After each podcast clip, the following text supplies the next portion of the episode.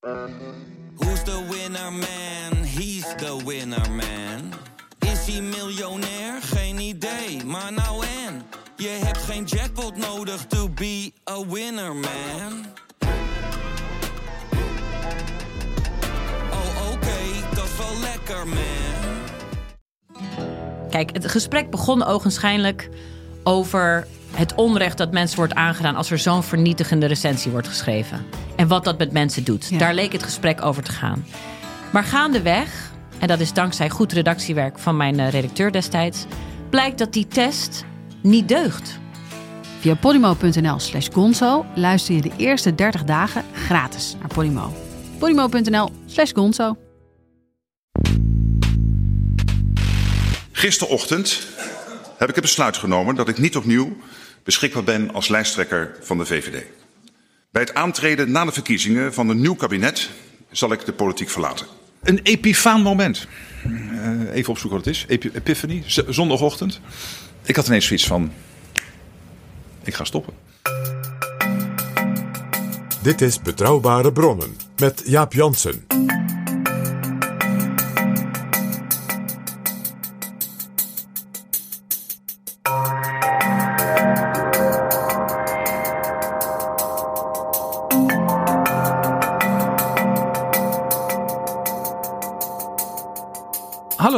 Welkom in Betrouwbare Bronnen aflevering 362.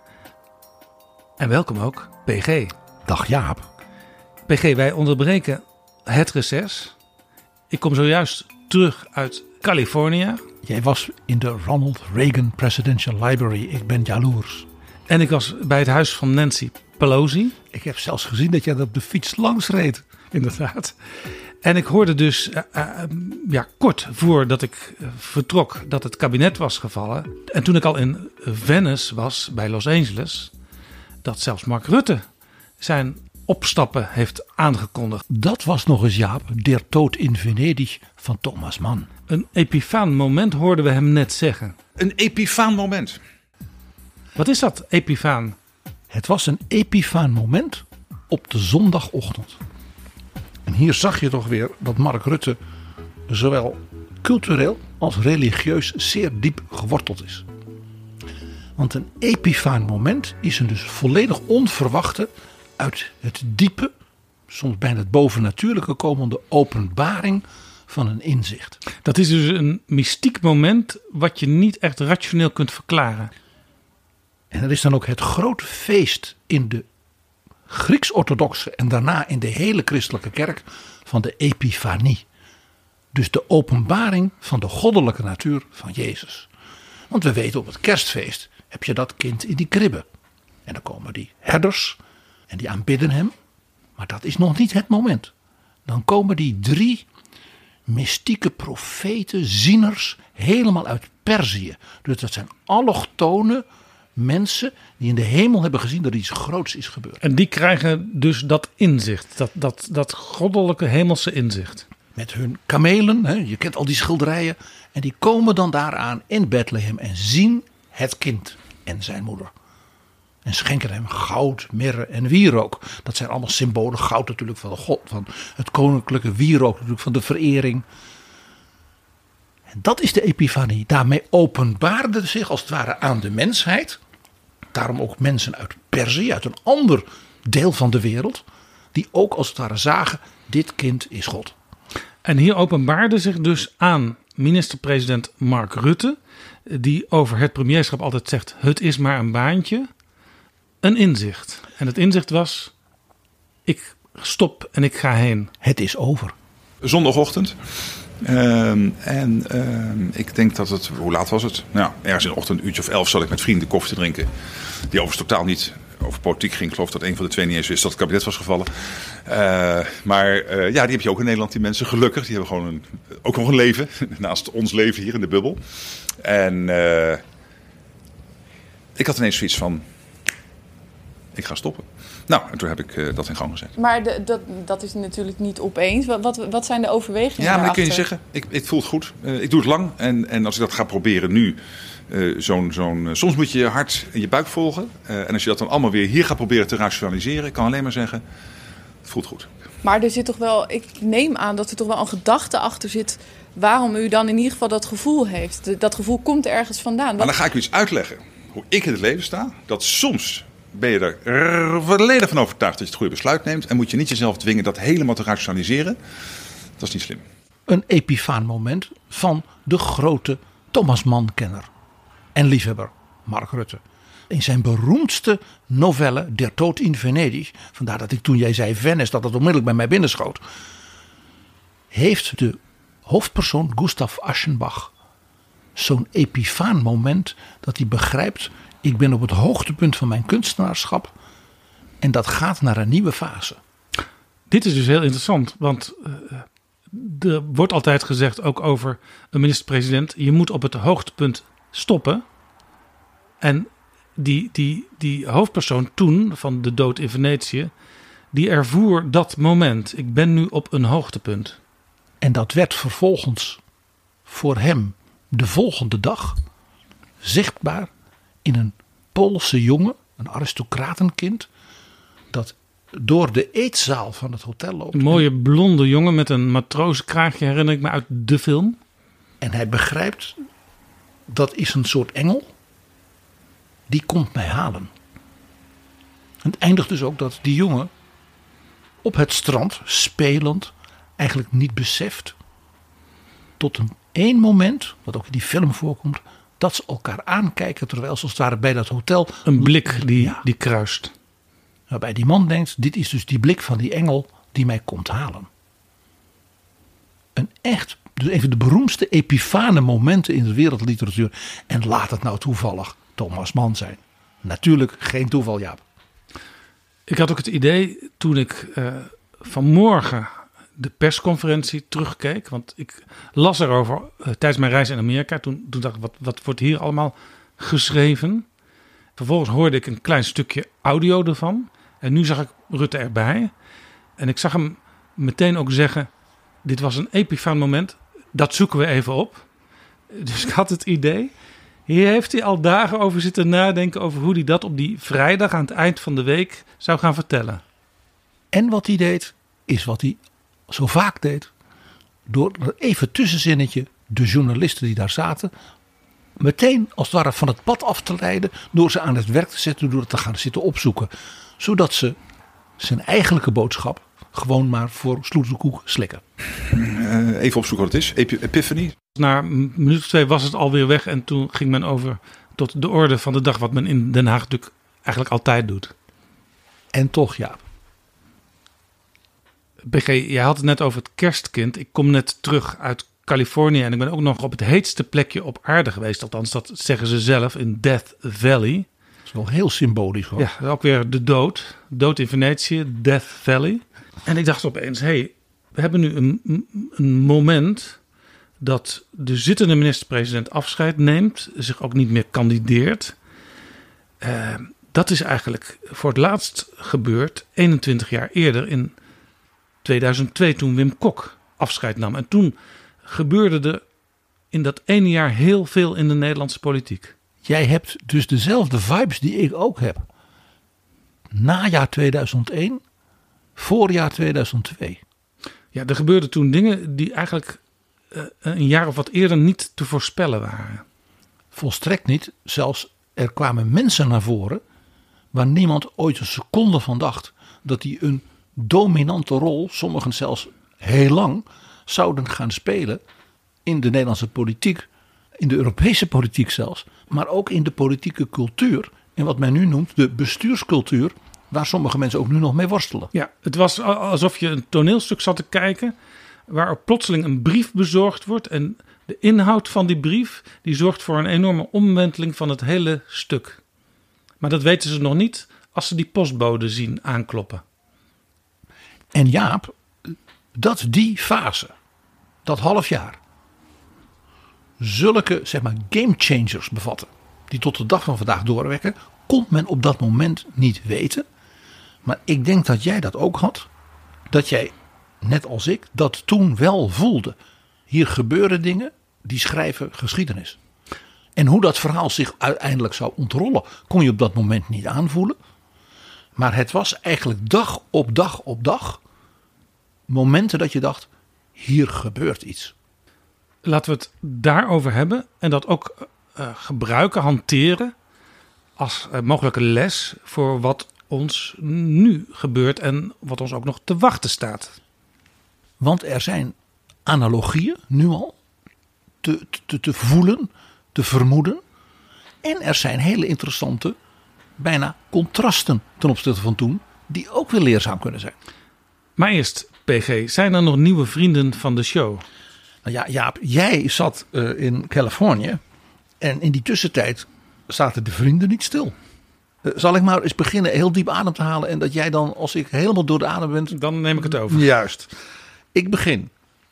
Heel veel dank ook in deze zomerweken dat wij niet live waren, dat je er toch was. Waarde Ruben, beste Thomas, Maurits, lieve Barbara, René, Maarten.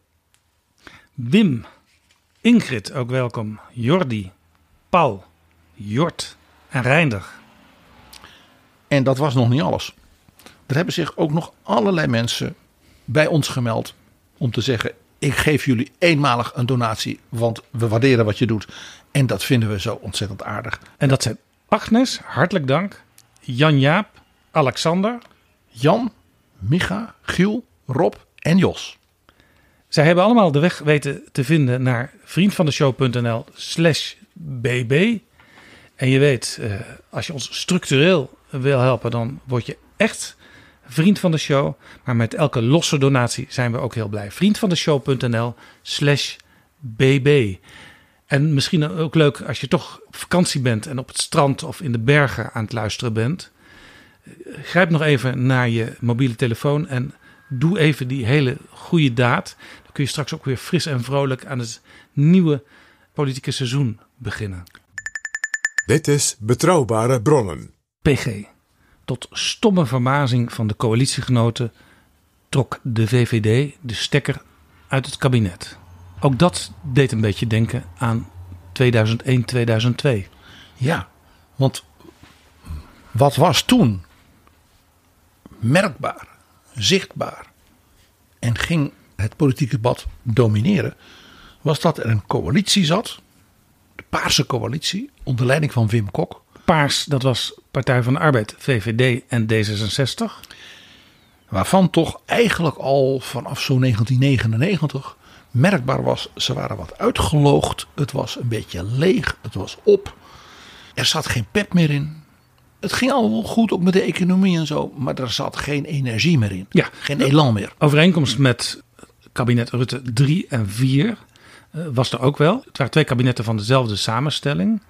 Met een langzittende, gewaardeerde, ook internationaal ja. gewaardeerde premier. En na de eerste periode uh, was er per saldo ook stemmenwinst.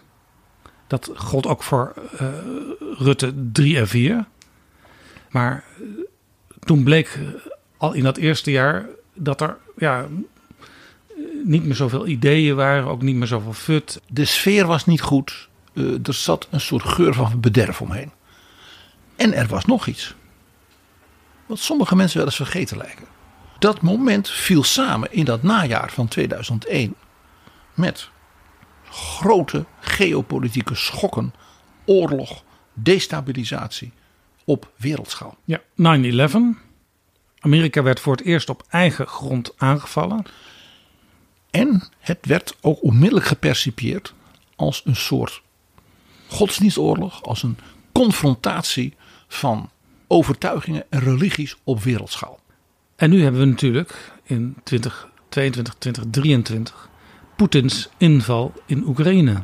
Opnieuw dus geopolitieke schokken en zelfs nu nog dichter bij huis. En waarbij dus ook iedereen beseft, net als toen, dat de wereld niet meer zal zijn zoals ze hiervoor was. Dat maakte ook het moment van de val van het kabinet zo merkwaardig. Want Mark Rutte, de leider van de VVD, had op zijn partijcongres enkele maanden eerder nog gezegd: Je gaat in een tijd van oorlog geen kabinet laten vallen. Voor het eerst in bijna 80 jaar is er een oorlog in Europa. En dat betekent dat voor de grootste partij van Nederland, en dat zijn wij, en ook in de peilingen deze week waren we weer de grootste partij van Nederland, in een instabiel, verkruimeld politiek landschap er een bijzondere verantwoordelijkheid op ons rust. Namelijk om niet te snel naar de uitgang te rennen als het niet snel genoeg gaat. Maar je uiterste inspanning te doen om er wel uit te komen. En niet het land in een politieke crisis te storten. Het is dus opmerkelijk dat men deze fundamentele politieke wijsheid zo snel vergeten was. Nou, nog een opmerkelijk iets van toen, waardoor je die vibes nu weer voelt. Door allerlei omstandigheden, waaronder dus het vertrek van Wim Kok, was er een soort kaalslag onder de lijsttrekkers. Anders gezegd, alle, bijna alle partijen hadden heel nieuwe lijsttrekkers. En sommige waren grote verrassingen als lijsttrekker. En dat betekende dus dat er ook allemaal onbekende mensen ineens een hele nieuwe politieke factor konden zijn. Ja. Wat men helemaal niet had verwacht. Nou, dan was er natuurlijk ook nog dat het kabinet Kok in die periode die we nu net schetsten, ook nog zomaar ineens nog ten val kwam. Over een rapport over Srebrenica van zeven jaar daarvoor. Dat toonde aan dat de zaak gedestabiliseerd was. En ja, die vibes, Jaap, die jij voelde, die voel ik dus ook. En misschien toch ook als een soort blikje vooruit. Van wat dat betekent, heb ik voor mezelf, Jaap, en je vult maar aan, het lijstje volledig onverwachte game changers in dat najaar en dat voorjaar van 2001, 2002 genoteerd. Ja. Dat begon dus al met 9-11 zelf. Dat ging overigens gepaard, is men ook vaak vergeten, met een vrij scherpe terugval in de internationale economie. De zogenaamde dotcom-crisis. De eerste, zeg maar, crisis ten aanzien van het internet en de cybereconomie. Ja. Doordat het hele eh, vliegverkeer en eh, al die dreigementen die er waren in de wereld stil lag. Iets wat we met de pandemie ook hadden. Dat dus al die logistieke kanalen ja, ineens stil lagen. Waardoor dus de economie ook een klap kreeg. Dat zagen we bij corona ook. Ja, ik zat overigens in het eerste vliegtuig vanuit Nederland naar de Verenigde Staten. Om verslag te gaan doen daar voor het Algemeen Dagblad. Dat zul jij dus ook nooit meer Er vergeten. zaten heel veel collega-journalisten ook in dat vliegtuig, want het was het eerste. ik zeg niet voor niks, een echte gamechanger in ook de politieke cultuur. Dat men dat besefte. Nou, de volgende gamechanger kwam vlak daarna. De partijvoorzitter van het CDA, nu staatssecretaris Mannix van Rij, die onthoofde de lijsttrekker van het CDA, Jaap de Hoop Scheffer. En hij wilde zelf graag de opvolger zijn. En dat werd hij niet, want de hele zaak donderde in elkaar. Ik heb er een dik boek over geschreven, dat moet men dan maar lezen, hoe dat ging dag op dag. Hoe heet dat boek ook alweer? Tand destijds.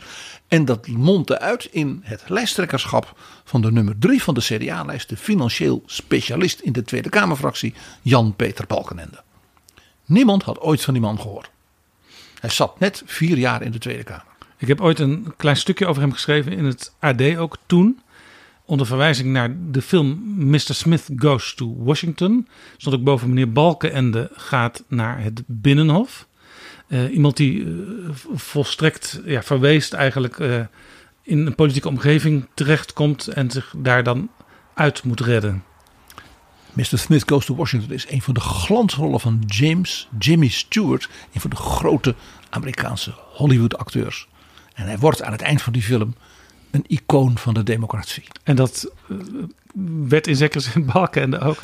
Want die bleek een succesvol minister-president. Om te beginnen moest hij nog lijsttrekker zijn.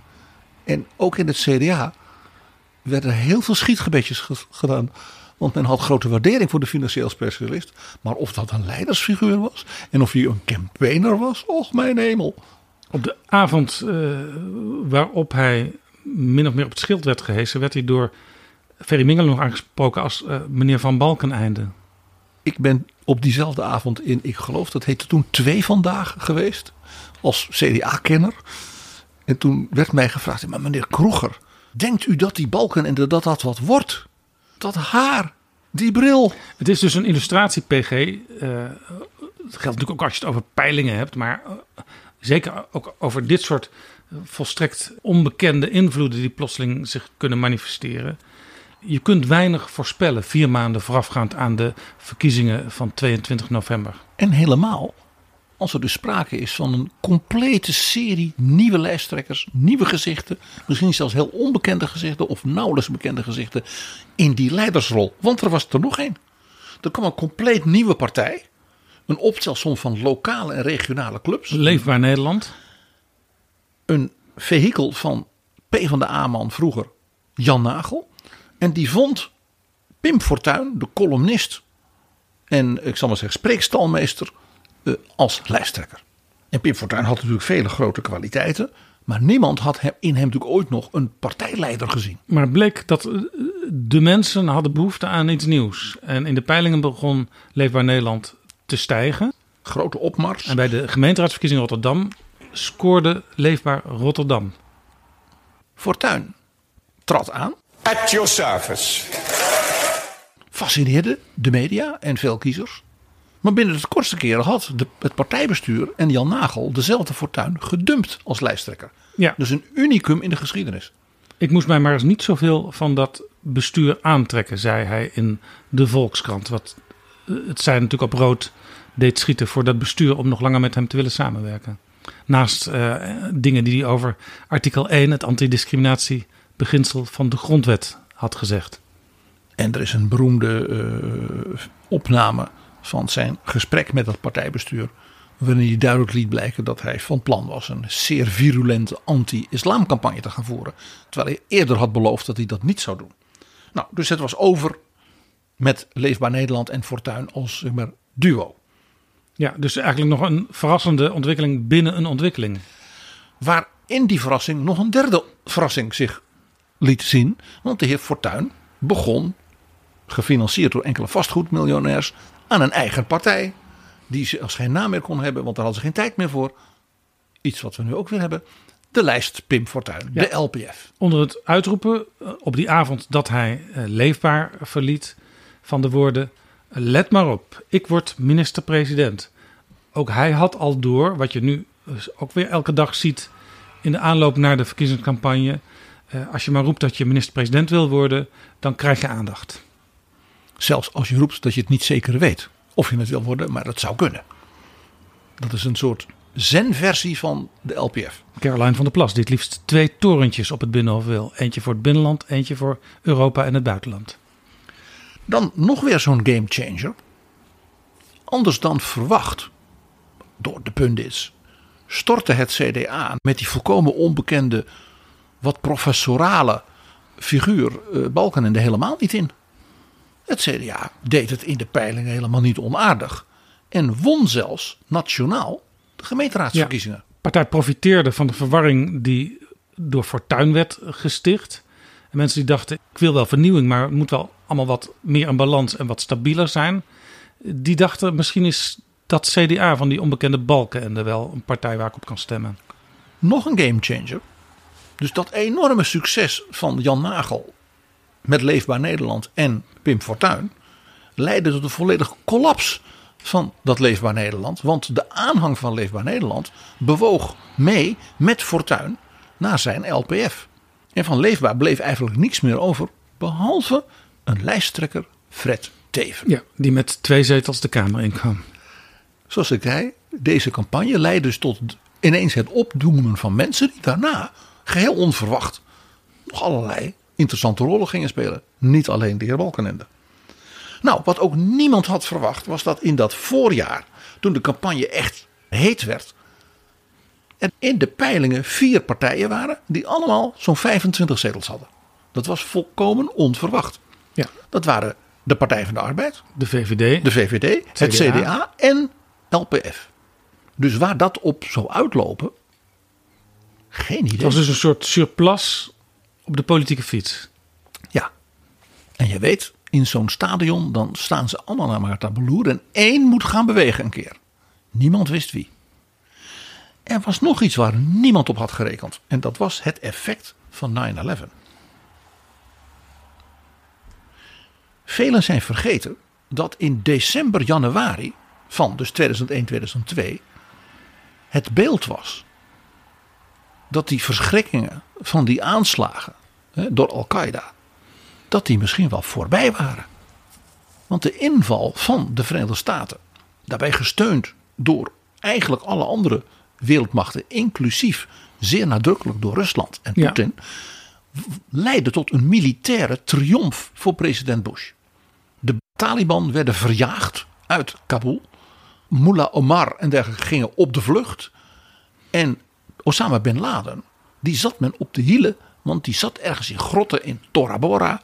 En daar waren dus overal al special forces in die grotten aan het kijken. En de verwachting was eigenlijk dat het niet lang zou duren. Of Bin Laden en zeg maar, zijn hoofdkwartier en zijn medewerkers zouden worden ingesnoerd en opgepakt. En het idee was dus, deze klus die wordt snel geklaard en dan kunnen we met z'n allen weer wat optimistischer worden. Zij het dat president Bush zei, dit is nu gebeurd. Dit is niet een incident.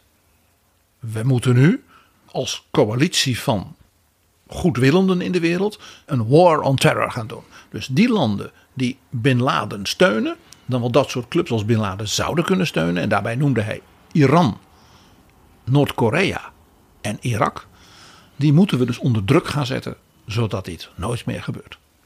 Dus die 9-11 gebeurtenissen leidden aan de ene kant tot een grote mensen bijna opluchtende verrassing. Aan de andere kant kwam er ook een nieuwe fase van dus die geopolitieke spanningen. Dit was 2001, 2002. We gaan nu richting de verkiezingen van 22 november 2023. En wat lijkt dus veel van de omstandigheden van toen en ook de perspectieven van toen op die van vandaag. Ja, vertaal het eens. Nou, nu. Nou, de Bin Laden van toen is Vladimir Poetin. Iemand die in zekere zin onverwacht gigantische risico's nemend, verschrikkingen veroorzaakt, Europa destabiliseert.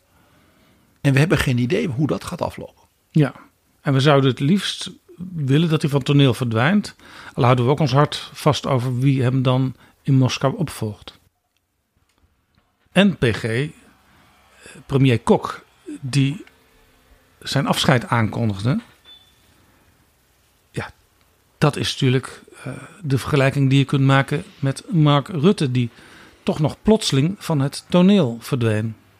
Ja, Wim Kok had een soort rode epifanie gehad. Uh, even opzoeken wat het is. Ep epiphanie. Nou, er is nog een interessante vergelijking. Het kabinet Kok 2, dus het tweede Paarse kabinet, viel volkomen onverwacht nog in de aanloop naar die verkiezingen. Over Srebrenica? Over een rapport. Parlementaire enquête-rapport. En dat was zeven jaar daarvoor gebeurd. En ineens was dat aanleiding om te zeggen: het kabinet gaat demissionair. Ja. Dus dat heeft een soort gezinshereniging aspect dat je denkt van waarom stapt hij op? Ja, het was natuurlijk wel een, een, het was een heel zwaar punt. Je kunt het ook niet vergelijken met de gezinshereniging, wat eigenlijk een, een detail is in het beleid. Wat enorm werd opgepompt ineens door de VVD. En aan de andere kant de ChristenUnie die daar absoluut niet mee kon leven. Srebrenica was, was een heel zwaar ding. Maar het was inderdaad, jij zegt het, wel al ruim zeven jaar geleden. Het zat helemaal aan het begin van het eerste kabinet Kok. Het is verschrikkelijk wat er gebeurd is in Srebrenica. Maar het had niets van doen met het beleid of de daden van het tweede kabinet Kok. Nee, dat klopt. Dus om dan vlak voor de verkiezingen ineens, en dat, dat, vandaar de vergelijking dat je denkt, waarom? Het kabinet had ook een mooie verklaring kunnen geven. En, en wat men ook daarna gedaan heeft, Nederland gaat zich hè, blijvend inzetten voor de mensen in Srebrenica. Daar hoeft het kabinet helemaal niet om te vallen. Nee, anders dan bijvoorbeeld de toeslagenaffaire die voor het derde kabinet Rutte aanleiding was om af te treden. Maar daar kun je ook zeggen dat kabinet, eh, dat wortelde weliswaar in het tweede kabinet Rutte. Maar het derde kabinet had niet meteen het inzicht dat hier iets heel ernstigs aan de hand was en ter zake ook gehandeld. En dat kabinet is ook gevallen daarover. Dat maakt dus de val van het vierde kabinet ook des te merkwaardiger. Nou trad Kok natuurlijk af. Dat was overigens voor 9-11. Dat moeten we er wel bij vertellen. Kok trad af en hij had een opvolger klaarstaan. Dat was de fractievoorzitter van de Partij van de Arbeid, Ad Melkert. Die ook al zich had gemanifesteerd in het eerdere kabinet als minister van Sociale Zaken. Dat was dus iemand die zeg maar in het kernbeleid van de Partij van de Arbeid zat en waar Kok ook vertrouwen in had. Ad Melkert was de Dylan van de PvdA. Ja, want Dylan Jesilgus doet natuurlijk als minister Justitie, houdt zich bezig met veiligheid. En... Deed daarvoor als invalbewindspersoon economische zaken. En eh, probeerde ook een compromis te bereiken over het eh, asielbeleid. Waar ze uiteindelijk natuurlijk niet in geslaagd is. Nee, dus zij was de leidende minister op het thema waar het kabinet over viel. Ja, en dat thema eh, waar het kabinet onverwacht voor de coalitiepartners over viel. Maar als je terugkijkt, dan zag je dat de VVD er toch al eh, in de maanden daarvoor ook mee bezig was. Bijvoorbeeld op dat partijcongres waar Rutte nog zei: je laat in deze tijd van oorlog geen kabinet vallen. Dan zie je dus dat het VVD er niet mee bezig was. Want ik geloof dat Mark Rutte daar de waarheid sprak. Maar Mark Rutte zei ook: ik ga eh, mijn uiterste best doen om dit tot een oplossing te brengen. En dat deed dus Dylan en die mislukte. En dus kan de VVD laten zien: het lag niet aan ons. Wij hebben ons uiterste best gedaan. Toch heeft zij als lijsttrekker nu hetzelfde dilemma als Ad Melkert had. Ad Melkert was dus de nieuwe man. De nieuwe tijd na de zeer lange, gewaardeerde jaren van Kok. Maar wilde hij dus laten zien, de Partij van de Arbeid staat klaar voor een nieuw beleid en een nieuwe fase, moest hij eigenlijk dat paarse verband natuurlijk loslaten. En de kritische kanttekeningen die ook van anderen kwamen, natuurlijk zeggen, nou daar luister ik goed naar. En hij moest dus eigenlijk langzaam maar zeker Wim Kok een beetje gaan dumpen. Ja, dat was heel lastig, want die coalitie, daarvan was de tijd voorbij. Was een algemeen gevoel. Maar inderdaad, voor Kok was uh, al bij al veel waardering. Uh, maar ja, je kunt Kok en Paars niet van elkaar ontkoppelen. Nee, en op het moment dat je zou zeggen als Melkert de kritische kanttekeningen bij het Paarse kabinet en zeker dat tweede Paarse kabinet, daar kan ik mij wel iets bij voorstellen. Ja, dan zet je natuurlijk in de debatten de deur open naar, oh, u vond dus ook dat bijvoorbeeld VVD-minister Hermans van Onderwijs geen goed beleid had gevoerd. Dat is interessant. Even vragen wat de VVD daarvan vindt. Ja. Dan begint dus een pot met pieren gaat open. Melkert kwam een beetje in dezelfde positie waar eerder, een aantal jaren eerder, bij het CDA Elko Brinkman had gezeten als nieuwe leider ten opzichte van de oude leider Ruud Lubbers. Dit is een heel lastig ding als een grote naam, een wat iconische premier, moet worden opgevolgd door een nieuw iemand die ook zijn stempel wil drukken op die nieuwe tijd. Dat vereist heel verfijnd stuurmanskunst. Ja, dit is dus ook meteen het grote probleem eh, voor Dylan Yesilgus. Want Melkert had nog iets. Melkert had heel duidelijk gemaakt dat hij niet ging voor een derde paars kabinet. En ik heb de indruk dat mevrouw Jezilgus ook niet naar de kiezer van plan is te gaan met een vijfde kabinet Rutte, zal ik maar zeggen, met D66 en de ChristenUnie of een vijfde kabinet Rutte met de Partij van de Arbeid. Melkert liet duidelijk blijken dat hij een kabinet Melkert wilde met een meer nadrukkelijk sociaal en wat linkser imago dan paars, namelijk met het CDA en met GroenLinks. Ja, eigenlijk uh, geldt hetzelfde, maar dan in spiegelbeeld nu voor Dylan Yesilgus. Uh, want uh, zij krijgt eigenlijk een loodzware opdracht. Ze moeten VVD ontkoppelen van Rutte. En de negatieve gedachten die veel kiezers inmiddels over zijn VVD hebben. Die moet ze dus gaan erkennen zonder ze te erkennen. En tegelijkertijd moet ze het beeld herstellen dat de VVD onontkoombaar blijft als stabiele middenpartij. En wat gebeurde er in die campagne? Daarom is dus die campagne zo interessant, ook voor de komende maanden. Melkert, die dacht, ik ga een nieuw PvdA-verhaal brengen. Met een nadrukkelijke sociaal en wat linkser imago. Wat ook past natuurlijk bij hem als oud-minister van Sociale Zaken. Had ja. veel gedaan aan werkgelegenheid. Hij had credibility op dat thema. Was een gedegen politicus, kende de cijfers. Was echt een hele goede ook in debatten op dat terrein. Dat zei hij ook tegen Pim Fortuyn in een debat voor de KRO-televisie. Cijfers, professor, cijfers. Ja, want wat gebeurde er? Hij moest ontdekken dat hij van alle kanten, dus zowel van rechts, vanuit het midden en vanuit links, voortdurend werd aangevallen op het beleid van de Paarse kabinetten. Ja, ja, meneer Melkert, voordat u nou allemaal mooie beloften gaat doen, u heeft dit en dit gedaan, daar was uw minister of uw kabinet met Kok verantwoordelijk voor. Leg dat eens uit. Hij kreeg dus die kritiek van Pim Fortuyn vanuit rechts. populistisch. Hij kreeg die kritiek van Jan-Peter Balkenende, die natuurlijk toevallig op datzelfde terrein als hij net zo ja, alle cijfers en feiten Hij kende. was woord voor de financiën van de fractie geweest. en hoogleraar arbeidsmarkt en sociaal denken. Hij kreeg die kritiek van links, van Jan Marijnissen van de SP, in een meer volkse populistische toon. En van Paul Rozemuller van GroenLinks. Ja, dus hij werd eigenlijk van alle kanten aangevallen. En zeker ook van toen de linkerkant. Ja. Dat is natuurlijk Dilian Silgus. Die, die moet ook heel erg over haar rechterschouder kijken. En Melkert kwam dus niet toe aan een nieuw perspectief. Hij was voortdurend in een soort defensieactie om uit te leggen dat Wim Kok zo slecht nog niet was. Waarop de kiezer dacht van, waarom is die man dan weggegaan? Beste meneer Melkert, waarom moest die Kok eigenlijk weg?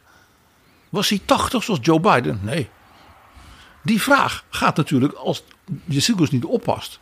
Als hij Mark Rutte voortdurend verdedigen zegt, hij heeft toch heel goed gedaan. Gaat men die vraag ook krijgen? Ja, want ik zag in eh, enkele gesprekken die ik in kranten zag en ook op televisie met gewone kiezers, zoals dat dan heet. eh, een deel was blij dat Rutte nu eindelijk eens weg was. Maar anderen zeiden, eh, ja, ik heb vaak op de VVD gestemd, omdat ik gewoon veel waardering had voor Mark Rutte. Dus dat is gewoon een soort tweesprong waar je op staat als nieuwe VVD-leider. Mevrouw Jazilgus zal zich nog wel eens herinneren, denk ik, de komende weken. Dat in de hoogtij van de pandemie de waarderingscijfers voor Mark Rutte astronomisch waren. En wat er gaat gebeuren, denk ik, is. Want ja, die andere partijen die denken natuurlijk ook, nou, hoe gaan wij dit nu doen? Die gaan natuurlijk een blaadje lenen uit 2001, 2002. Dus Caroline van der Plas gaat natuurlijk Jezilgus aanvallen op de zonden van de kabinetten Rutte. Ja, de puinhopen van, van 13 jaar Rutte. De rommel van Rutte. Na de puinhopen van Paars. Maar Rob Jette gaat natuurlijk ook zeggen dat klimaatbeleid dat zo nodig is. U heeft dat kapot gemaakt door die zaak op te blazen over niks. En de lijsttrekker van het CDA, stel dat dat een energie- en klimaatdeskundige zou zijn, die gaat natuurlijk dat ook doen. En Frans Timmermans helemaal. Want die gaat zeggen, we staan ja, internationaal, en daar heb ik mijn best voor gedaan vanuit Brussel, voor enorme uitdagingen. Nederland is een belangrijk land op dit terrein. Zeker als het gaat om de agrarische sector en de klimaat daarvan. Is het een van de grootste probleemlanden in Europa. En nu heeft ze gewoon opgeblazen. Dus de kans dat zij net als Melkert niet toekomt aan een nieuw VVD-verhaal. Maar voortdurend in de defensie is. Dan tegen rechts. Dan tegen het serieuze midden. En dan tegen links. Is niet ondenkbeeldig. In principe zou dit natuurlijk gelden voor elke VVD'er die tot nieuwe lijsttrekker zou, zou worden aangewezen. Par excellence. Natuurlijk door een VVD-lijsttrekker. Die direct verantwoordelijk is geweest. Voor het betreffende beleid. Ja, en die ook dus er niet in geslaagd is op het laatste moment om tot een compromis te komen op dat asielbeleid. Ja, dus dat is niet het allerbeste stukje cv voor te denken dat jij wel een succesvolle premier zou kunnen worden. Nou kan ik me wel voorstellen dat de VVD eh, richting bijvoorbeeld de PVV en de kleinere rechtspartijen eh, dat wel zal gaan uitspelen. Wij hebben tenminste nog geprobeerd. En eh, helaas waren al die andere partijen, ChristenUnie, D66, ja, die waren het niet eens. Dus maak ons nou groot als VVD. Ga nou niet op een andere rechtspartij stemmen. Want dan weet je dat er iets gaat gebeuren. Waarmee dus dan mevrouw Jezilgus een campagne zou voeren. waarin ze zegt: onze coalitiepartners van de voorbije twee kabinetten zijn linkse drammers. Iedereen denkt als hij aan Mirjam Becker denkt. of aan Carola Schouten, een nare linkse drammer. Echt niet. Dus dat is geen sterk verhaal. En dat zie je, want zowel de heer Wilders als bijvoorbeeld ook Ja 21, die hebben als 180 graden als blad aan de boom gedraaid. Ja, ik had ook het idee toen ik het eh, debat terugzag over de val van het kabinet waarin Rutte zijn afscheid ook aankondigen, dat Wilders zijn tekst kwijt was. Hij kon niet meer op de, op de automatische piloot vliegen. Hij kon geen schande roepen. Hij kon niet roepen, u moet weg. En hij kon ook geen motie van wantrouwen indienen. Hij riep ineens op tot, tot samenwerking en, en ongeveer dezelfde tekst die ik Rob Jetten nu ook hoor uitspreken. Dat is toch wel een hele merkwaardige Het was, combi Wilders en Jetten. het was Geert Wilders die de speech van de voorbije jaren van Pieter Heerma voorlas. We moeten voor dit land de handen ineens slaan. Wilders, Eertmans, ander op rechts doen allemaal nu hetzelfde. Die zijn ineens constructief, gewillig en zetten dus de val wijd open voor de VVD. En het lijkt wel of het Kamerlid Ruben Brekelmans niet de eerste de beste in de VVD, want hij is iemand die uh, op televisie mag, bijna zonder de afdeling voorlichting te vragen of dat toegestaan is. En dat geldt maar voor weinigen in die VVD-fractie. Uh, die heeft al gezegd: ja, we moeten op asielterrein misschien toch maar met die Wilders gaan samenwerken. En kreeg onmiddellijk de great and the good van zijn partij over zich heen. Onder andere Frans Wijsglas, de oud-Kamervoorzitter. En Ed Nijpels. En dan gaat notabene een jong Kamerlid... die gaat uh, pleiten voor samenwerking met de PVV. Terwijl de PVV gewoon echt abjecte opvattingen heeft... over het vreemdelingenbeleid, over vluchtelingen. Ze discrimineren, ze beledigen. Daar moeten wij als VVD heel ver vandaan blijven. En daarbij zag je dus dat er geen goede regie is op dit moment in de VVD... ten aanzien van precies het punt waar wij het nu over hebben. Het wordt spannend. Nog een dingetje. Er moeten nu lijsten worden gemaakt. En we zien dus dat een heleboel, soms langzittende, soms nog niet zo langzittende Kamerleden zeggen van het is tijd voor iemand anders. Ja, er zijn inmiddels uh, aangekondigd in de media 16 Kamerleden die vertrekken. Maar er zijn natuurlijk ook een aantal uh, prominente bewindslieden die hebben gezegd uh, voor mij geen plek op de lijst. Sterker nog, ik uh, vertrek uit de politiek. Niet alleen de premier, maar ook de drie vicepremiers hebben gezegd: ik wil geen leidende rol meer hebben. Er zullen ook nog een aantal wat minder bekende namen zijn die binnenkort niet meer op de lijst staan. Maar dat is altijd zo. Veel interessanter lijkt mij hoe in de verschillende partijen zeg maar, de reflectie is op de lijst, op de loyaliteit en de waardering naar de rollen van bijvoorbeeld die partijen in de voorbije jaren en in de coalitie. Ja, en dat geldt met name natuurlijk de VVD opnieuw.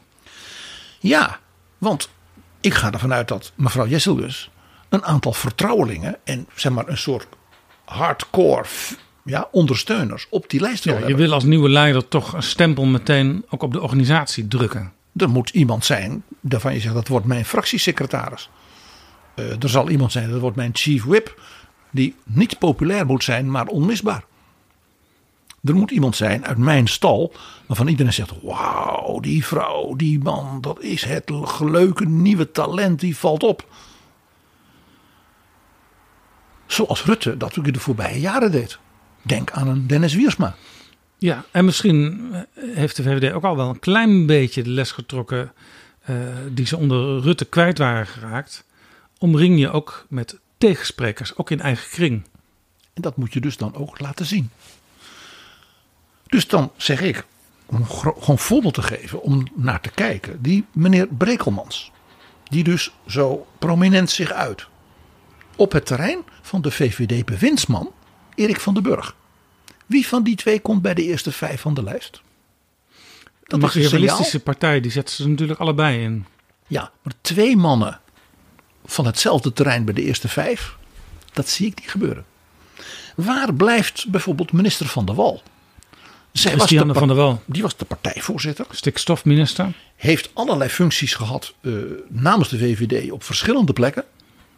Zeer gewaardeerd als partijvoorzitter. Wordt die geslachtofferd? Dat geldt hetzelfde voor de vertrouweling van Rutte als minister Harbers. Iemand die heel veel voor de VVD heeft gedaan. Uh, die zelfs zijn verantwoordelijkheid nam heel bitter af te treden als ja, staatssecretaris. En ook bereid was weer een andere post te accepteren. Wat gebeurt er met Mark Harbers? Wat gebeurt er met Sophie Hermans?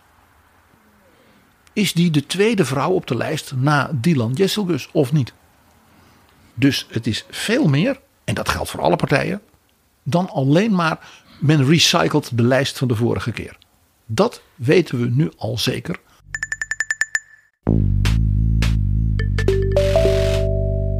Dit is Betrouwbare Bronnen, een podcast met betrouwbare bronnen.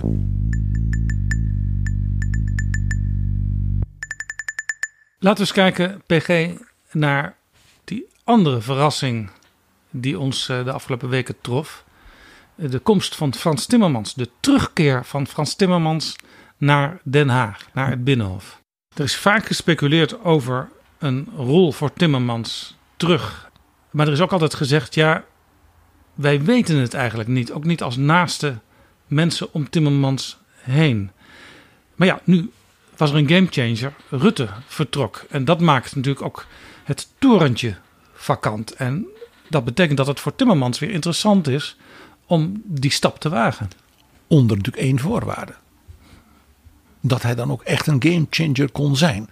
Dus dat kon alleen als er dus een enthousiaste nieuwe soort lijstfusie zou zijn van de Partij van de Arbeid en GroenLinks. Ja, en Timmermans is een van de eerste geweest toen daarover gespeculeerd werd, uh, al, al ruim een jaar geleden, om in een opinieartikel samen met eh, Marjolein Moorman een vlammend betoog voor te houden voor die samenwerking tussen Partij van de Arbeid en GroenLinks. Ook met één lijsttrekker en één lijst.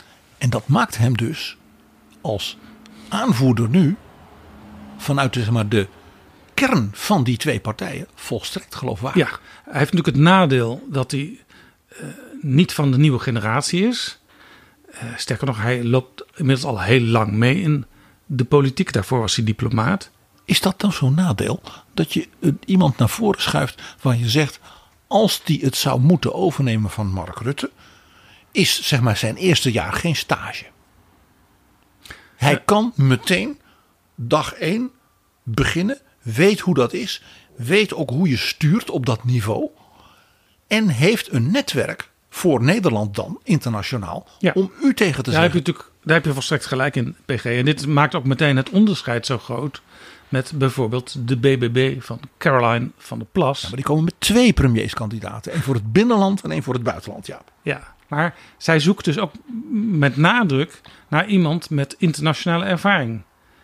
Pas in september heeft ze gezegd, zal dat bekend worden wie dat is. Als ze hem al kan vinden, of haar kan vinden. Eh, want ze sluit niet uit dat ze alsnog zichzelf kandideert. Maar dan heeft ze inmiddels wel gezegd waarom ze niet gekwalificeerd is. Doet me een beetje denken aan Wopke Hoekstra eh, richting 2021. Die zei, ja ik ben toch meer een bestuurder dan een politiek leider. Nou dat hebben we later ook gemerkt toen hij wel politiek leider werd. En dat toch niet goed bleek te kunnen.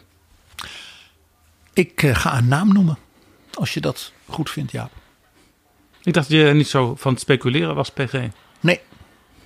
Maar je gaat toch een naam noemen. Ja. Want dat profiel van mevrouw van der Plas. Iemand van statuur. Met een internationale ervaring. En die wel geloofwaardig is voor haar achterban. Ik dacht aan Aalt Dijkhuizen. Help me even, want die naam die komt me wel enigszins bekend voor. Ik weet dat die naam ook wel genoemd is door Caroline van der Plas als uh, betere landbouwminister dan die vorige landbouwminister van de ChristenUnie. Wie is Aalt Dijkhuizen? Dat is de oud-voorzitter van Wageningen Universiteit.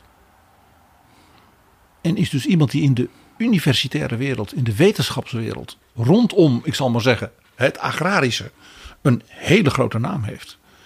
En die de laatste tijd, uh, uh, zeg maar ook rondom klimaat en dergelijke, wat meer in de sceptische hoek terechtgekomen is. En wat is zijn uh, partijpolitieke kleur tot nu toe geweest? Geen idee. Dat zou dus een voordeel kunnen zijn, dat hij niet heel erg aan een oude partij hangt. Terug naar Frans Timmermans, Jaap. Frans Timmermans heeft natuurlijk voor die combi PvdA GroenLinks een enorme plus. En dat is als er iemand een groen imago heeft in de wereld, nog even los van Nederland, dan is dat natuurlijk Frans Timmermans. Ja. Dat is meteen zijn nadeel, want hij is een PvdA-man. Dus dat rode imago, ja, dat, waar zit dat in? Dus ik denk dat zijn handlers, zoals dat heet, zullen zeggen: je moet dat rode, ja, oer-sociaal-democratische moet je flink aanzetten. Nou ja, natuurlijk. Want dat groene, dat weet men wel van jou. Ja. Dat maakte trouwens ook dat hij meteen ook acceptabel was voor GroenLinks. Want GroenLinks heeft in de naam al dat groene en dat linkse samengevat. Ja. Ik denk ook dat eh, ik in de afgelopen jaren heb gemerkt dat eigenlijk uh, de klimaatcrisis en de ongelijkheid in het land en in de wereld nauw met elkaar verbonden zijn. Die worden wel eens tegenover elkaar uh, gezet. En ik wil graag laten zien dat rood en groen eigenlijk precies hetzelfde is. Het gaat over ongelijkheid. Het gaat over de noodzaak voor een betere herverdeling van wat we samen hebben. Het gaat om de noodzaak om te laten zien dat we mensen niet tussen de wielen laten komen. En dat we ook de overheid weer uh, op de rails zetten. Want de Nederlandse overheid heeft wel een aantal tikken gehad in de afgelopen jaren. Het viel mij op dat in zijn allereerste wat meer inhoudelijke reactie. Hij begon dat toch een kernbeginsel van de politiek, en het was zo actueel als maar kon, dat was de spreiding van kennis, macht en inkomen. Nou ja, Jaap, jij weet wat de, dat is. De slogan van het kabinet Den Uyl, waar wij het onlangs zo uitgebreid over hadden in betrouwbare bronnen met drie oud-bewindslieden. Vanwege de 50ste verjaardag van het aantreden van dat kabinet. Dus dat is een slogan van 50 jaar geleden. Ik weet niet of dat zeg maar, de goede insteek is. Nou, daar zou je misschien in kunnen vergissen, PG. Want ik heb eigenlijk zo'n beetje alle politieke partijen de afgelopen anderhalf jaar meer richting het sociale zien gaan. Uh, ook liberale partijen meer aandacht voor de onderkant.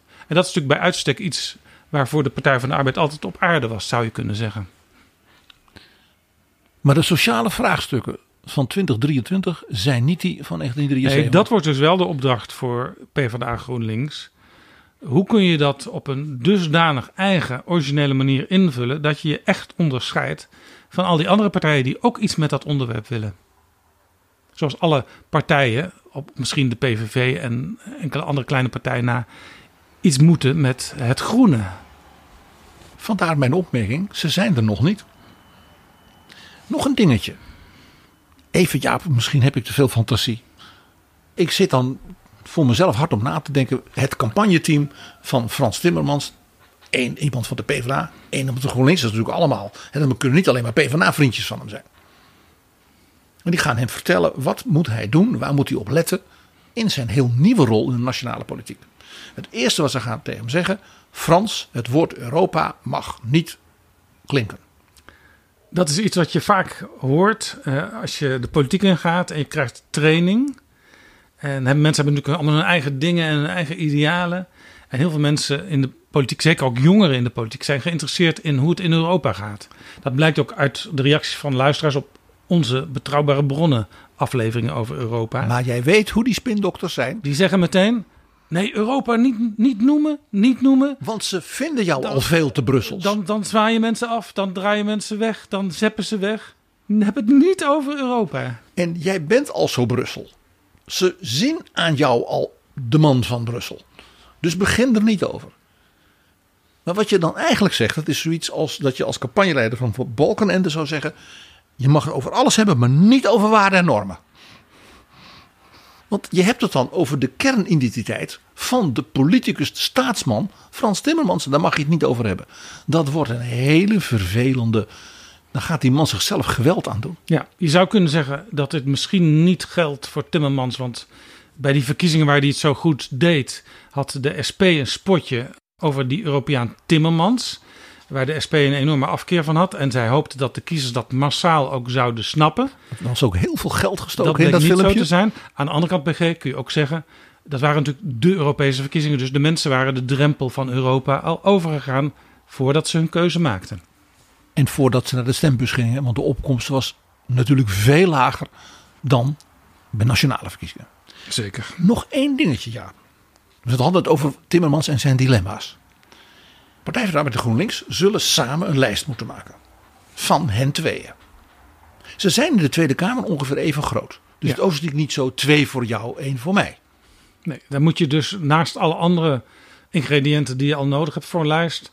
Eh, man, vrouw, de provincies, de leeftijden. Kwaliteiten. Moet, moet je nu ook eh, om en om, min of meer, Partij van de Arbeid en GroenLinks afkomst gaan verwerken. En misschien nog enkele kandidaten die helemaal nieuw zijn. En een aantal mensen die grote waardering verdienen. Bijvoorbeeld Adje Kuiken en Jesse Klaver. Die je niet als lijstduwers kunt gaan neerzetten. Zo van, nou ja, die hebben we gehad. Timmermans is nu de baas, jullie worden gedumpt. Dat kan niet. Nou. Dus de partijbesturen van die twee partijen zullen bij elkaar kruipen. Rondkijken wie van de zittende fracties. Dat men zegt, die hebben we echt nodig. Die financiële specialist, die topjurist, die is bij jullie heel goed bij de PvdA. Bij ons misschien ietsje minder goed, dus dan gaat er al iemand, hè, die valt er al af.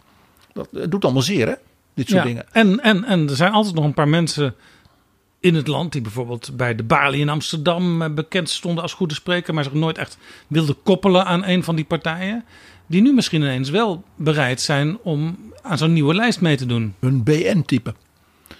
En dan zegt Timmermans, denk ik, mag ik op die lijst nog even die vrouw, die man en die, dat zijn vertrouwelingen van mij, waar ik een soort team mee heb.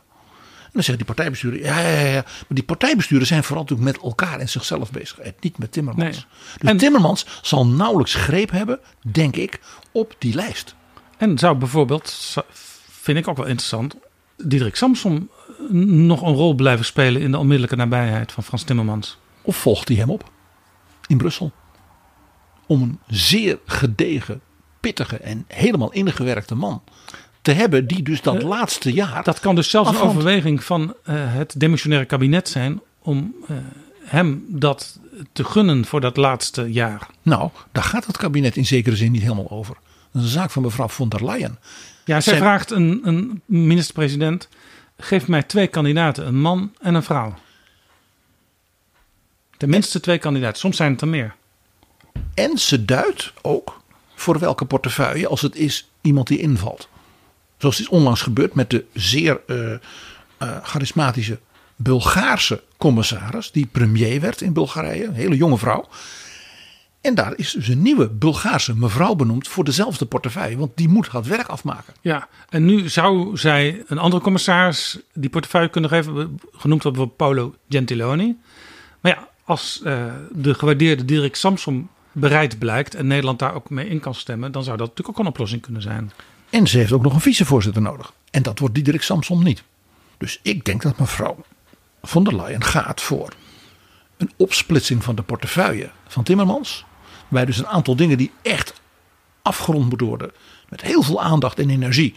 Dat mag Samson doen. En de vicevoorzitter, dat dat bij een Gentilone wordt gelegd. Ja. In die tussentijd is dus de Partij van de Arbeid met GroenLinks bezig een lijst te maken. En daar komt natuurlijk op twee een vrouw uit GroenLinks. En daar gaat Timmermans dus niet over. En dan komt, moet er op drie weer een man komen uit de Partij van de Arbeid. Dan denk je, waar blijft Atje?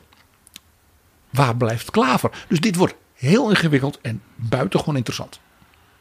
En PG, Frans Timmermans, die komt natuurlijk terug op het nationale toneel. Na vele jaren. Negen jaar in Europa vicepresident te zijn geweest. Dus hij zal ook weer heel veel nieuwe vrienden en kennissen moeten maken op dat politieke toneel. Mensen met wie hij misschien ooit maar eens eh, tien minuten gesproken heeft. Ik, ik noem bijvoorbeeld een andere hoofdrolspeler, Caroline van der Plas. Heeft hij onlangs pas kennis meegemaakt. Hij is speciaal voor haar naar Den Haag gekomen. Rob Jette kent hij natuurlijk, maar er zijn er genoeg eh, die nog nooit de hand hebben geschud met Timmermans. En voor Timmermans is het natuurlijk van belang, ook richting een kabinetsformatie, om met iedereen goede contacten te hebben. Ook bij wijze van spreken met Geert Wilders. Want je moet ook soms, al wil je misschien niet met elkaar samenwerken, wel tactieken afspreken naar anderen.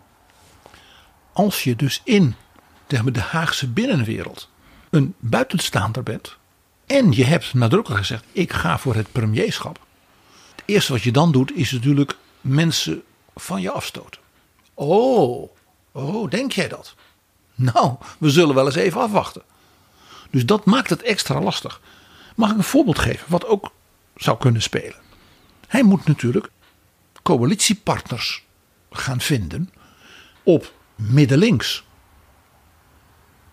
Dus dat betekent dat hij bijvoorbeeld met Rob Jetten, en stel dat er een eh, klimaat- en energiedeskundige bij het CDA eh, lijsttrekker wordt, die moet hij dus naar zich toe halen.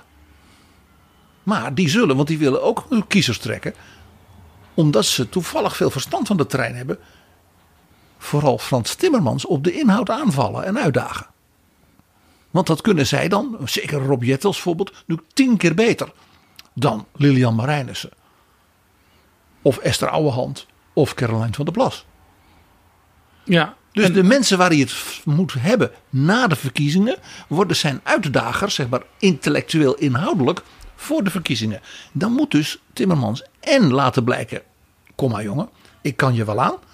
En moet hij niet geïrriteerd raken en arrogant worden. En wie denk jij wel dat je bent in de debatten? Want dat werkt natuurlijk niet. Nee, en dat is wel een van de zwakkere punten van Timmermans. Hij is heel blij met zichzelf. Zijn nieuwe partijcombinatie is ook heel blij met hem. Maar hij kan dat niet altijd voor zich houden dat hij zo blij is met zichzelf. Zeker niet in debat en gesprek met anderen. And he doesn't suffer fools gladly, zoals dat zo mooi heet in het Engels. Dus als een lijsttrekker van een andere partij, die echt niet zo heel veel verstand heeft van dit soort dingen, een opmerking maakt van hij denkt, och sukkel. Dan is de kans dat hij zegt, wat is hij toch een sukkel, die Eerdmans, niet ondenkbeeldig. En dat is niet verstandig, zelfs als je gelijk hebt. En dat komt meteen bij een ander punt. Laten we die omheen draaien. Kijk naar de range van partijen. Ik moet diep ademhalen om in één reeks alle partijen te noemen van wij weten dat ze Frans Timmermans verafschuwen. Dat zijn de SP, dat is Ja21, dat is Forum, dat is de PVV en dat is ook BBB. Dan heb ik het nog niet eens over Haga. BBB is een beetje twijfelgevallen, want Caroline van der Plas was eigenlijk zeer blij, ook achteraf met het gesprek met Timmermans. Natuurlijk en ze zeiden ook dat ze graag contact zouden hebben en dat hun medewerkers ook elkaar op de hoogte zouden houden van ontwikkelingen. En we hebben daar nooit meer iets over gehoord wat daarmee gebeurd is. En natuurlijk was ze blij, want hij kwam naar haar. Dus hij kwam haar ring kussen, om het maar even onaardig te zeggen. Maar op de inhoud weet zij natuurlijk dat hij voor haar ook in debatten levensgevaarlijk is.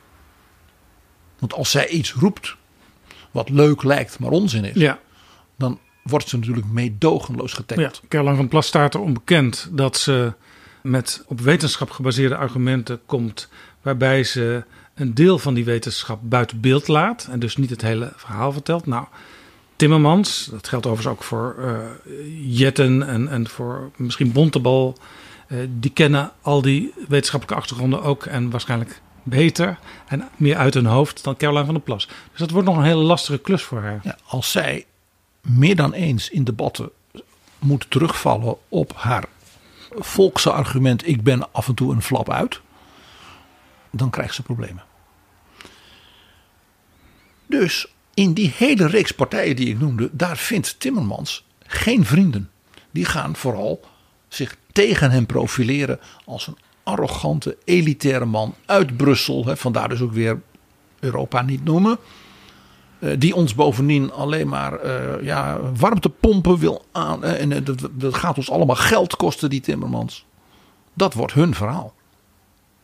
Dus het vinden van vrienden, ja, het klinkt gek, zal een grote uitdaging worden. En wat heb je nodig als zeg maar politiek leider, die zich ook zo presenteert als politiek leider, voor het vinden van vrienden? Dat is dat je respect laat zien naar die anderen Ja. En een verbindend thema. Dat je zegt uiteindelijk, dit is toch iets wat wij samen hebben. Over de grenzen heen. En dat kan dus een inhoudelijk thema zijn. Dat kan ook een bepaalde houding zijn. Of dat je zegt, wij hebben een bepaald perspectief. Ja, En dat heeft hij nog niet, Nou ja, die indruk. misschien toch wel enigszins al, want eh, hij heeft dat klimaat en hij heeft dat sociale, waarvan alle partijen die zeg maar regeringsverantwoordelijkheid willen, in hun programma ook eh, iets mee gaan doen. Maar Jaap, op die twee thema's moet hij zich inhoudelijk profileren tegenover hen. Dat is waar, dat is wat ik eerder zei. Hij moet dus wel ervoor zorgen dat hij met zijn partijcombinatie een eigen en ook originele invulling op dat thema gaat leveren. dat hij dus onderscheidend is. Meer dan alleen door zijn cv. Ik denk trouwens dat hij in het gesprek met jou en mij dat thema al heeft aangestipt. Oh, Dat was het slot. Dat hij zei: Ik maak mij zorgen over de politieke wilsuiting en het klimaat in Europa. Hij zegt het vanzelfsprekend gaan vinden dat autoritaire oplossingen, eh, zelfs ook de, de Poetin-verering, maar het is veel breder dan dat, dat moeten we niet gewoon vinden. ja. Alle democraten moeten op dit opzicht elkaars bondgenoten zijn. Misschien is dat wel zijn thema. En we zien in Europa dat, dat die hang naar het autoritaire ook nog toeneemt. Hè? eh, bij, bij verkiezingen groeien partijen die daar of heel duidelijk over zijn, of die wel een coalitie eventueel met dat soort partijen niet uitsluiten. Dus dat maakt het actueel.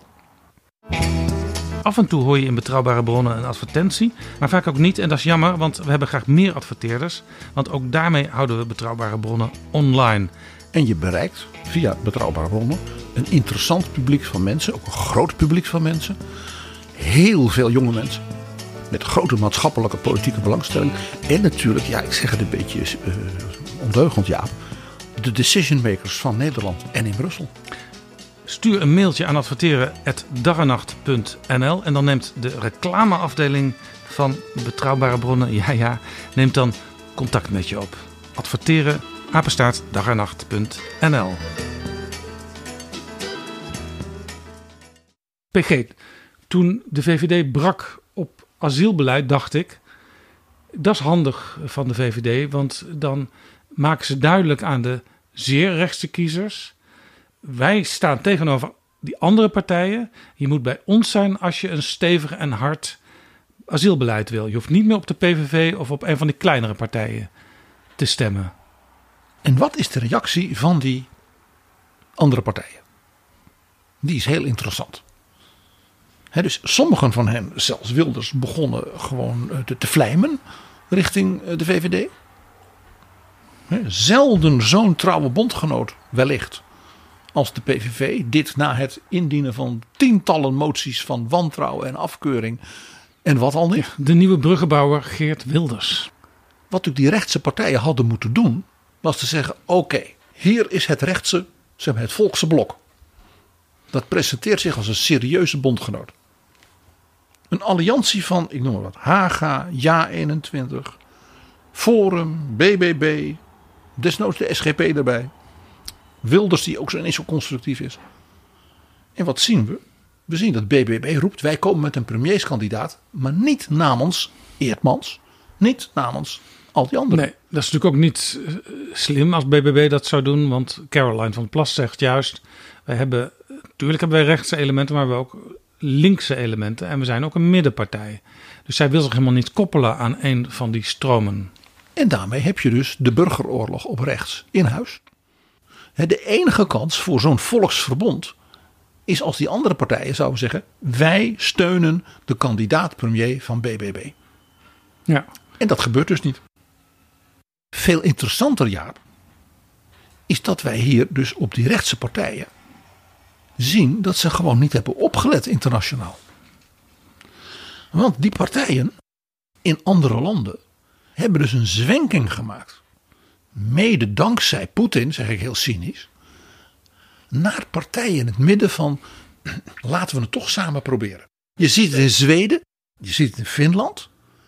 En het meest markante voorbeeld is natuurlijk de heldin van rechts-Europa, Giorgia Meloni. Giorgia Meloni, die zou tegen Dylan Jesselbus hebben gezegd: ben je helemaal gek geworden dat je die migratie zo aanpakt. Zij is gekomen met een nieuw lange termijn beleid voor Italië. 4 à 500.000 migranten per jaar voor Italië. Zodat er genoeg verpleegsters zijn, genoeg artsen, genoeg ICT'ers. Want Italië vergrijst enorm. Waar komen die mensen vandaan? Die komen uit Afrika, uit het Midden-Oosten en uit Azië. Want dat zijn dus niet EU-immigranten. Hetzelfde gebeurt overigens in het autocratische Hongarije. Dat wordt ook niet echt aan de grote klok gehangen. Eh, maar ook daar heel veel werknemers uit Azië die instromen om dat land overeind te houden. Zowel in Polen als in Roemenië is men zeer actief met het zo snel mogelijk inschakelen van die uitstekende, vaak technisch opgeleide ICT'ers en dergelijke uit Oekraïne. Ja. En ook in Duitsland gebeurt dit nu zeer indringend. Ik was in Amerika en daar was plotseling op televisie Eva Vlaardingenbroek. Zij was op televisie om te verklaren dat ze toch wel erg teleurgesteld was in uh, Giorgia Meloni. Cannibalisme, separatisme, sociaal darwinisme op rechtsjaap. Maar we moeten ook dan even toch naar de linkerkant kijken. Ja. Dus links van Timmermans. Ja, zeg maar de, de, de kant van de SP, de Partij van de Dieren, B1. Daar hebben we ook nog geen soort gezamenlijk linksfront van eh, trek Frans naar links zien komen.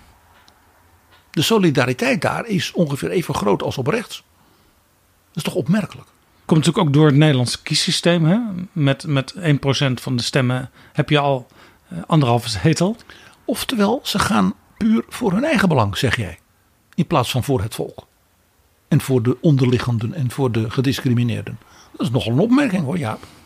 Ik noteer bovendien dat van die drie partijen die jij noemt, er twee ja, of intern uit elkaar vallen, eh, zelfs hun gezicht kwijt zijn, dan wel een, ja, een, als het ware een gerecycled programma zonder kraak of smaak hebben gebracht. Want het Ja. verhaal van de SP is natuurlijk het verhaal wat we nu al jaren horen. Er zit niks nieuws in.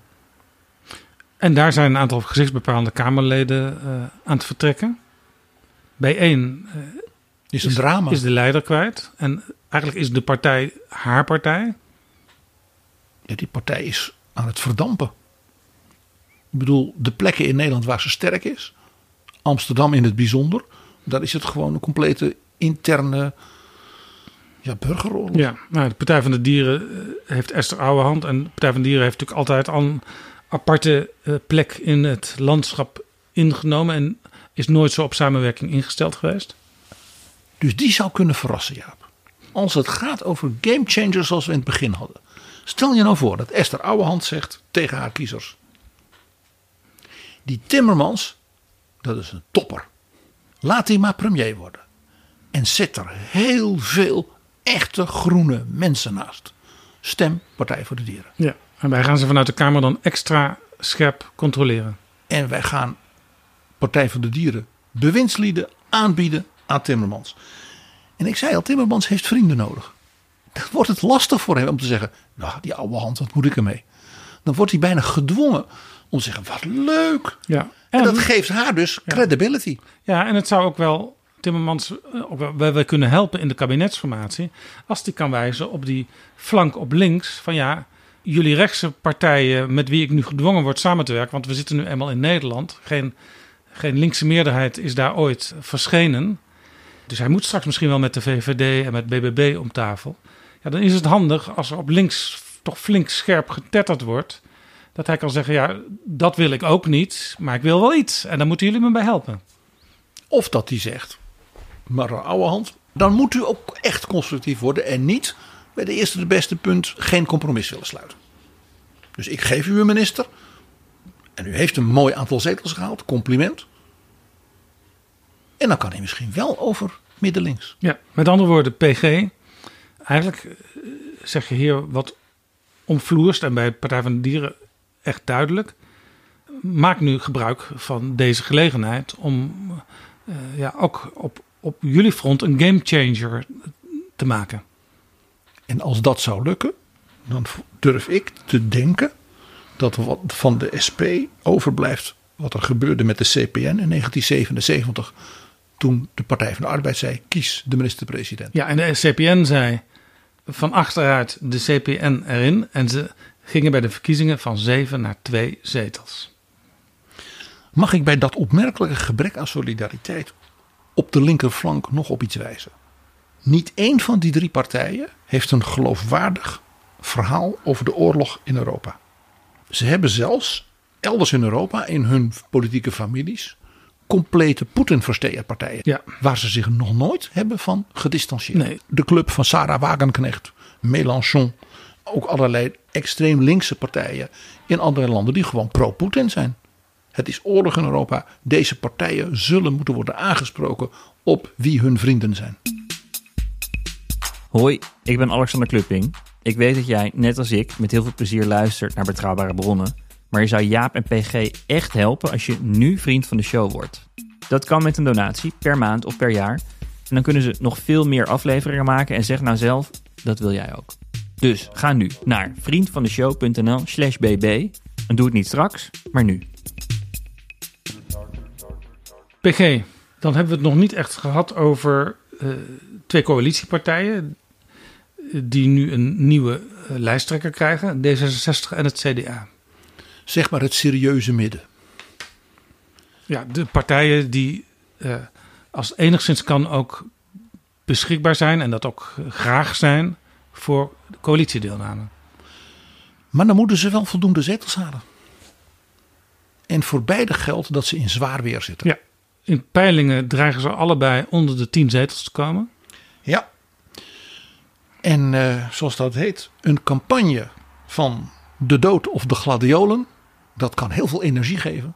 En kan soms, zie Balkenende in 2001, tot verrassingen leiden.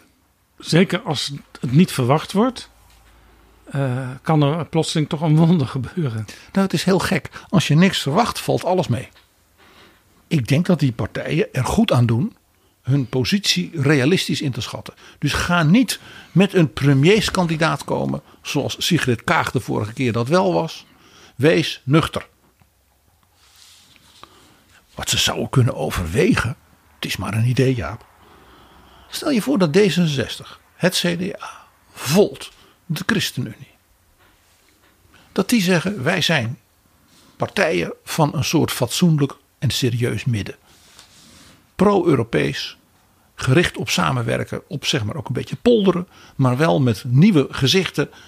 Mevrouw Bikker, uh, Jetten, Das is ook nog eigenlijk nieuw. Die als het ware een soort gematigd aanbod doen. En dat kan dus zowel aan Gisselgus zijn als aan Timmermans. Die moeten daarop reageren. Dus zij moeten zich vanuit het midden zo positioneren dat die anderen moeten reageren. Wat voor aanbod denk je aan? Dus een gematigd beleid, pro-Europees, uh, waarbij een aantal van de sterke punten van dat midden samenwerken, polderen kunnen. Dat je zegt van iedereen weet dat dat nodig is in dit land. Ja. Nou ja, dat zij staan daarvoor. En, ja. en u, u beweegt zich op de linkerkant, u beweegt zich meer op de rechterkant. Maar u weet dat u het uiteindelijk toch, misschien toch van ons zult moeten hebben. Ja, dat dus kiezers, maak ons sterk. Ja. Dan houden wij die anderen uit de greep van de polarisatie. Ja, hoe dat bij het CDA zal gaan, weten we nog niet precies. Maar bij D66 zie je Rob Jetten al een beetje uh, die pretentie van een brug willen slaan aannemen. Maar pretentie is nog iets anders dan concreet en helder zijn. En daarbij dus ook op een goede manier bescheiden. Ja. Dus niet roepen van als wij aan de macht komen dan. Nee. Uh, Rob Jetten is natuurlijk fractievoorzitter geweest. Toen heeft hij de Kerdijk-lezing gegeven. Dat was een heel boeiend gesprek ja, dat wat was wij met hem hebben gehad. Ideologisch, maar ook praktisch ingevulde ideologieverhaal. Dat kan hij dus als, als, als fundament voor zijn koers nu gaan gebruiken. En het verkiezingsprogramma van D66 eh, wordt geschreven door een commissie onder leiding van Hans Veilbrief. Dan heb je een goede. Een van de weinige bewindslieden die eigenlijk door iedereen geliefd werd de afgelopen tijd. En dat is knap gelet op de portefeuille die hij had. Uh, dus dat, dat zou wel wat kunnen beloven voor die partij en vanuit die partij. En ik hoop dat Jette zo nuchter is dat hij snapt dat hij misschien een beetje moet stoppen met al die pretentieuze verhalen van D66 van de voorbije jaren over onderwijs. Want ze hebben op dat punt natuurlijk maar heel weinig reëel gepresteerd in zowel Rutte 3 als Rutte 4. Morgen gaan de D66-leden beginnen met hun stemming over het lijsttrekkerschap. En op 12 augustus weten we de uitslag. En dan weten we dus ook definitief of Jetten het wordt. Die kans lijkt mij toch heel reëel, Jaap. En twee dagen later weten we wie de lijsttrekker wordt van het CDA, althans uh, volgens de enkelvoudige voordracht van het CDA-bestuur. En ga er maar vanuit dat het CDA-bestuur niet alleen maar een enkelvoudige voordracht indient, maar dat die kandidaat de formele steun krijgt van alle afdelingen in de provinciale afdelingen, wat de weg onmiddellijk afsnijdt voor enige tegenkandidaat. Ja, want als je je als tegenkandidaat wil melden, en dat kan volgens de reglementen van het CDA, dan uh, heb je daarvoor de steun nodig van tenminste drie provinciale afdelingen, of tien gemeentelijke afdelingen, of 1% van de leden. Nou ja, in het grote bestuur van het CDA zitten al alle provincies. Ja, dus dat sluit in ieder geval die weg uit, lijkt mij. En als dat al formeel niet zou gebeuren, dan zal men dat bestuurlijk ongetwijfeld doen. Dit is Betrouwbare Bronnen. PG, we maken in deze aflevering een vergelijking met 2002. We zien een aantal opvallende overeenkomsten.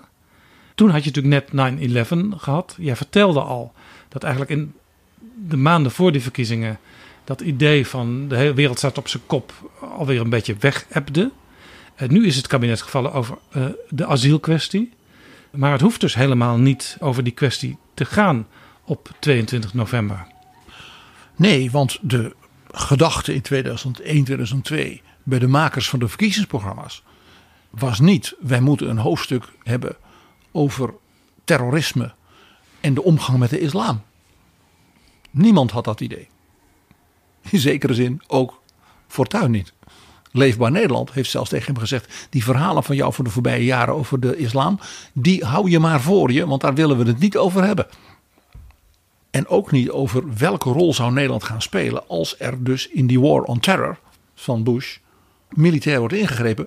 Zoals dus later ook in Irak gebeurde. Ja. Nou, dat hebben Nederlandse kabinetten geweten. Het is natuurlijk wel een mooi moment, uh, PG, 2023, die verkiezingen. Want de premier, die toch 13 jaar met meer en minder succesvolle momenten geregeerd had, die maar, is weg. Maar ja, dat is het eerste, wat ik noem, echte thema van de campagne die nu gaat komen. Alle partijen zullen namelijk zich moeten presenteren met een nieuwe positiebepaling. Ja, het is het waar einde van een tijdperk. Precies, waar sta ik nu? Wat is dus mijn toekomstvisie in het post-Rutte-tijdperk? En dat betekent voor elke partij, zoals we ze nu al hebben besproken, dat men nog behoorlijk denkwerk moet doen. En ook moet denken van, en wat zijn dan de dingen die wij vanuit dat denkwerk aan de kiezer voorleggen? Men kan niet zoals vaak gebeurt als een kabinet snel valt, het verkiezingsprogramma van de vorige keer recyclen. Nee. Forget it. Het tweede thema, dat is natuurlijk onmiskenbaar, dat is oorlog in Europa. Ja, de reden waarom je geen kabinet laat vallen. Ik en het toch doet. Dat kan niet anders dan een fundamentele discussie zijn. Want dat is meer dan een discussie alleen over. doen we een beetje meer bevoegdheden voor Brussel of een beetje minder bevoegdheden? Of gaan we iets doen met het veto bij de dit of dat? Dit gaat over hele fundamentele vragen. De veiligheidsarchitectuur, om zijn modewoord te gebruiken. De strategische autonomie.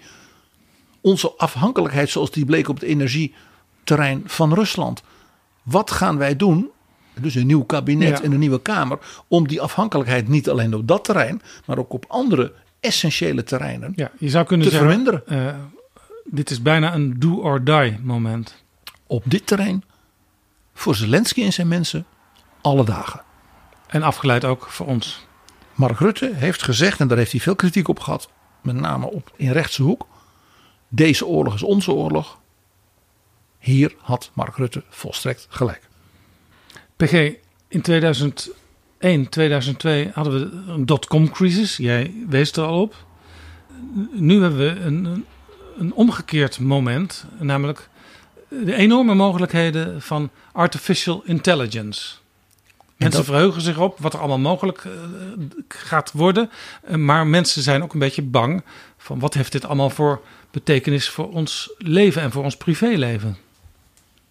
Die volgende cyberrevolutie raakt overigens meteen het vorige punt.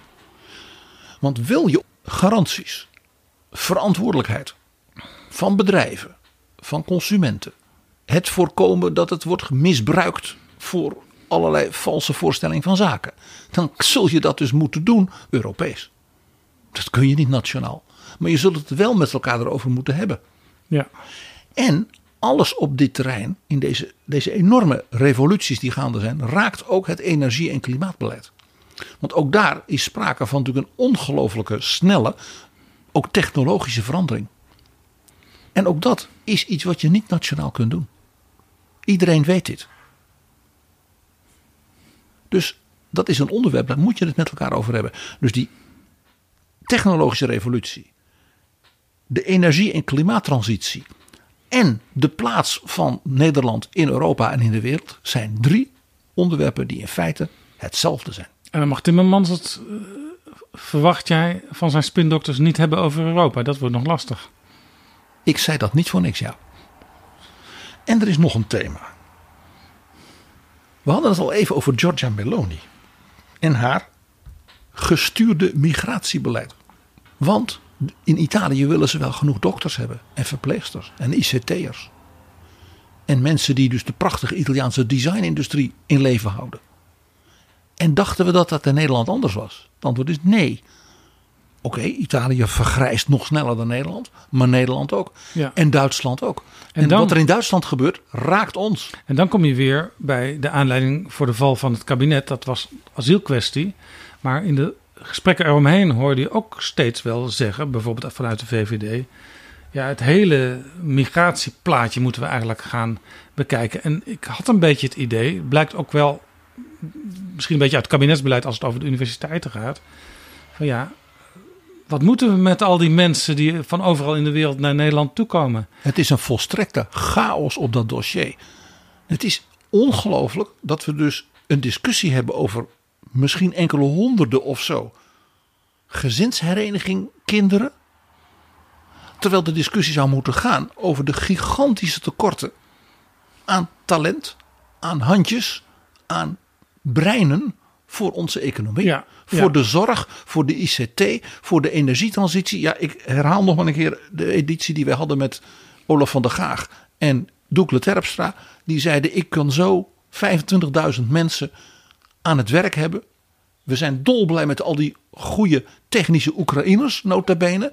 Want die vinden het prachtig om al die zonnepanelen aan te leggen Precies. als middelvinger tegen Poetin. En al die mensen, Daar moet het dus over die gaan. mensen die in Wageningen willen studeren, of in Delft, of in Eindhoven, of Enschede. in Amsterdam, of in Leiden, noem maar op. Die moet je juist eh, welkom heten, een welkomenscultuur. Want Nederland wordt er alleen maar sterker over. Zelfs als ze teruggaan naar hun land van oorsprong, dan blijft die band met Nederland er en daar heb je alleen maar baat bij. Nederland behoort in de wereld tot de absolute leidende landen van de creatieve industrie. Maar dat kan alleen zo blijven als je voldoende impulsen en input houdt. Als wij dus gaan vastleggen dat geloof ik een derde van de lessen in dat soort opleidingen in het Engels zouden mogen, dan kun je dus de conservatoria in Nederland sluiten.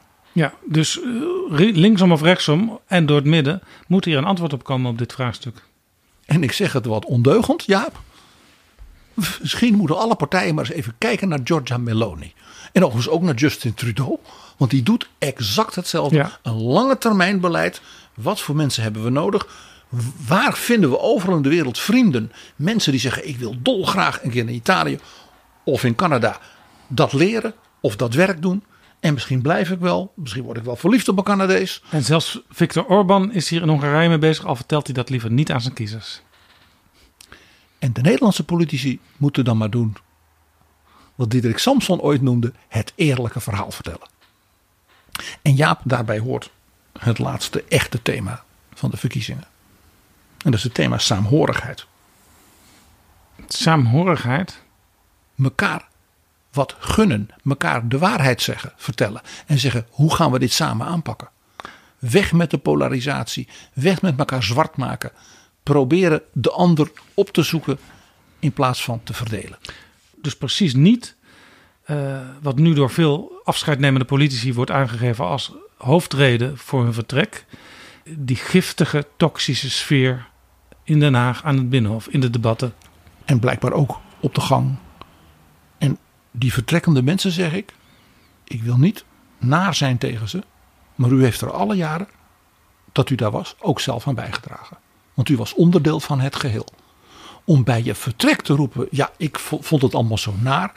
Ik heb wel sterkere verhalen gehoord. Ja. Het PG op het einde toch nog weer een beetje negatief. Daar moeten we juist vanaf van die negativiteit. sorry, sorry, sorry, sorry, sorry, sorry. Vandaar saamhorigheid. En Jaap, zullen we nog even een epifaan moment doen? Eh, even opzoeken wat het is. Epiphany. Die novelle van Thomas Mann, zo passend bij Mark Rutte. Dood in Venetië. Der Dood in Venedig. Daar is een schitterende opera van gemaakt door de grote moderne Britse componist Benjamin Britten. Laten we daar dan een stukje uit laten horen.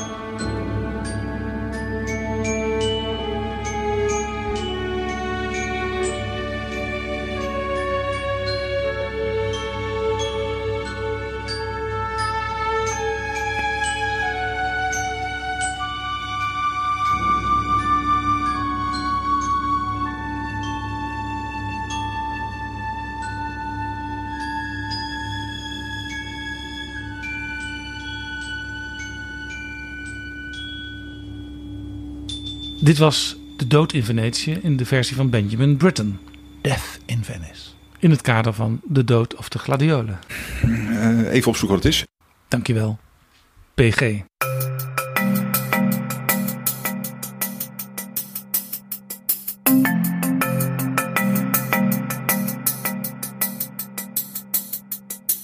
Zo, dit was Betrouwbare Bronnen, aflevering 362. Deze aflevering is mede mogelijk gemaakt door de vrienden van de show en de mensen die ons een losse donatie hebben geschonken.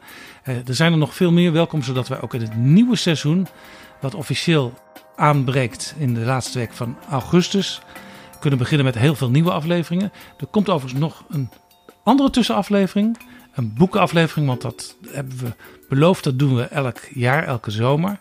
Die hou je dus nog te goed van ons. Maar wil je ons ondertussen alvast steunen? Ga dan naar vriendvandeshow.nl slash bb. En we kunnen je van harte aanbevelen als je uh, nog heel snel een andere aflevering wil horen. En misschien als uh, late instappen heb je die nog nooit gehoord. Aflevering 117, die is uit juni 2020. Met als titel 10 wetten die elke lijsttrekker zich moet inprenten. Daar kan iedereen ook in Den Haag nu nog zijn voordeel mee doen. Tot volgende keer. Betrouwbare bronnen wordt gemaakt door Jaap Jansen in samenwerking met dag en nacht.nl.